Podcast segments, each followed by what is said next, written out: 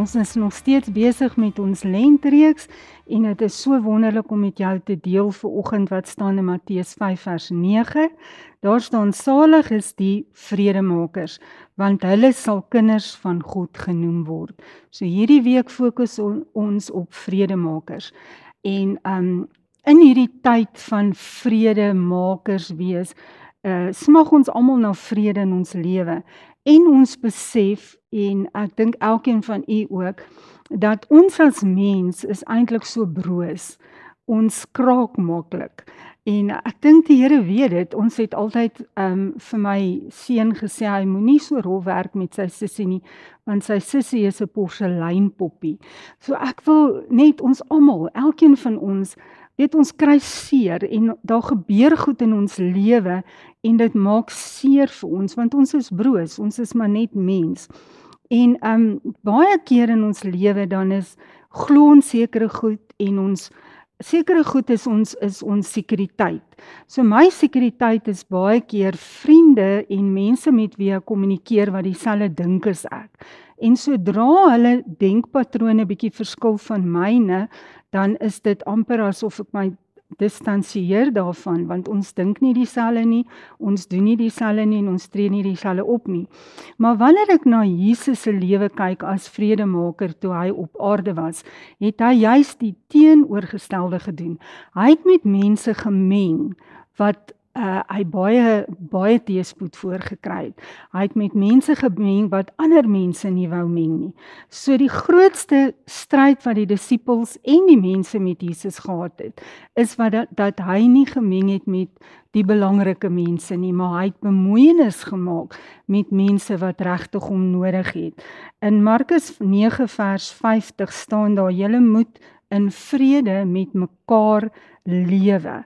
So hy het uitgegaan daarop om vrede te in vrede te lewe met almal, nie net met sekere mense nie. En Jesus se lewe is natuurlik vir ons 'n voorbeeld sodat ons ook kan gaan en in vrede lewe met mekaar. Ehm um, ek wil vir jou vra vandag dat jy moet kies. Dis 'n keuse wat ons maak. Jy moet kies om vrede in jou hart te hê. En waar begin 'n mens om daai keuse te maak?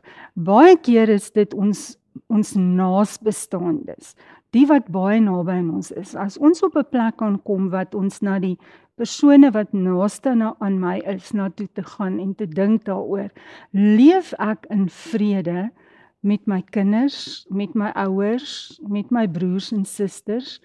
En as ek nie in vrede met hulle lewe nie, moet ek die vraag vra, Hoekom leef ek nie in vrede met hulle nie?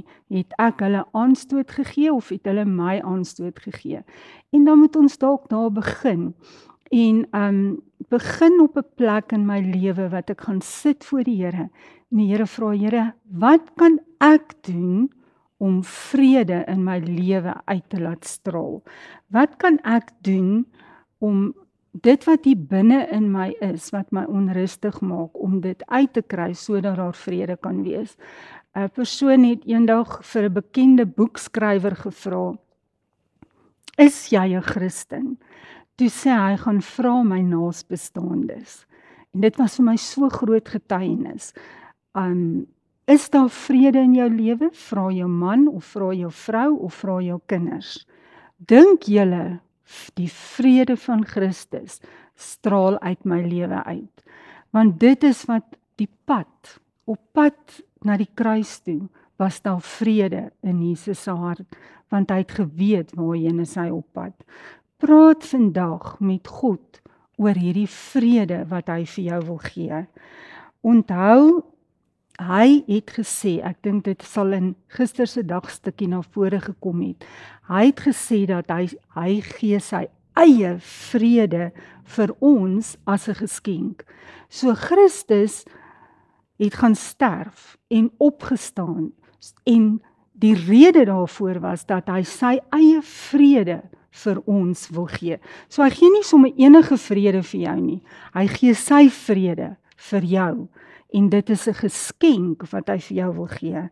So kies vandag om sy vrede deel van jou lewe te maak.